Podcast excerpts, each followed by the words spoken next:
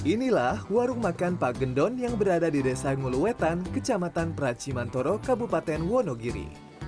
Warung yang cukup sederhana ini ternyata sudah ada sejak tahun 1979.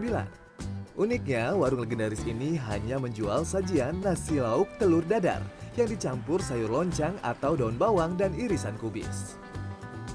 Ya, memang cukup sederhana. Campuran telur dan sayuran tersebut diaduk rata kemudian digoreng hingga matang.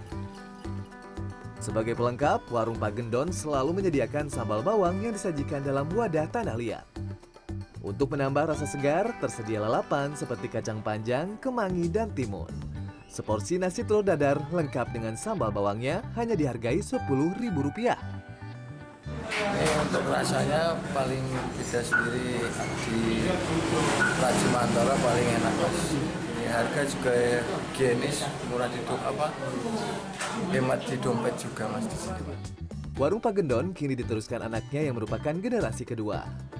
Kali itu soto ya mas, tapi terus ada yang pesen sambil bawang awalnya, terus minta didadarin telur dadar. Lah lama kelamaan itu malah orang-orang pada suka. Meski hanya menu sederhana, dalam sehari bisa terjual sebanyak 250 porsi atau menghabiskan 15 kg telur. Dan pada hari libur bisa ludes hingga 400 porsi.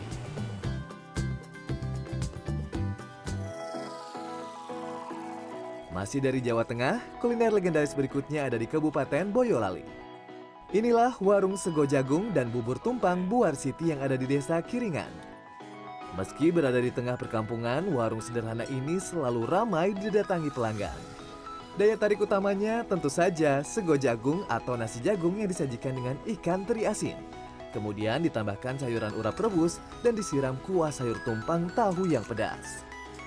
Perpaduan rasa gurih, asin, pedas, serta segarnya urap inilah yang membuat para pelanggan selalu kembali.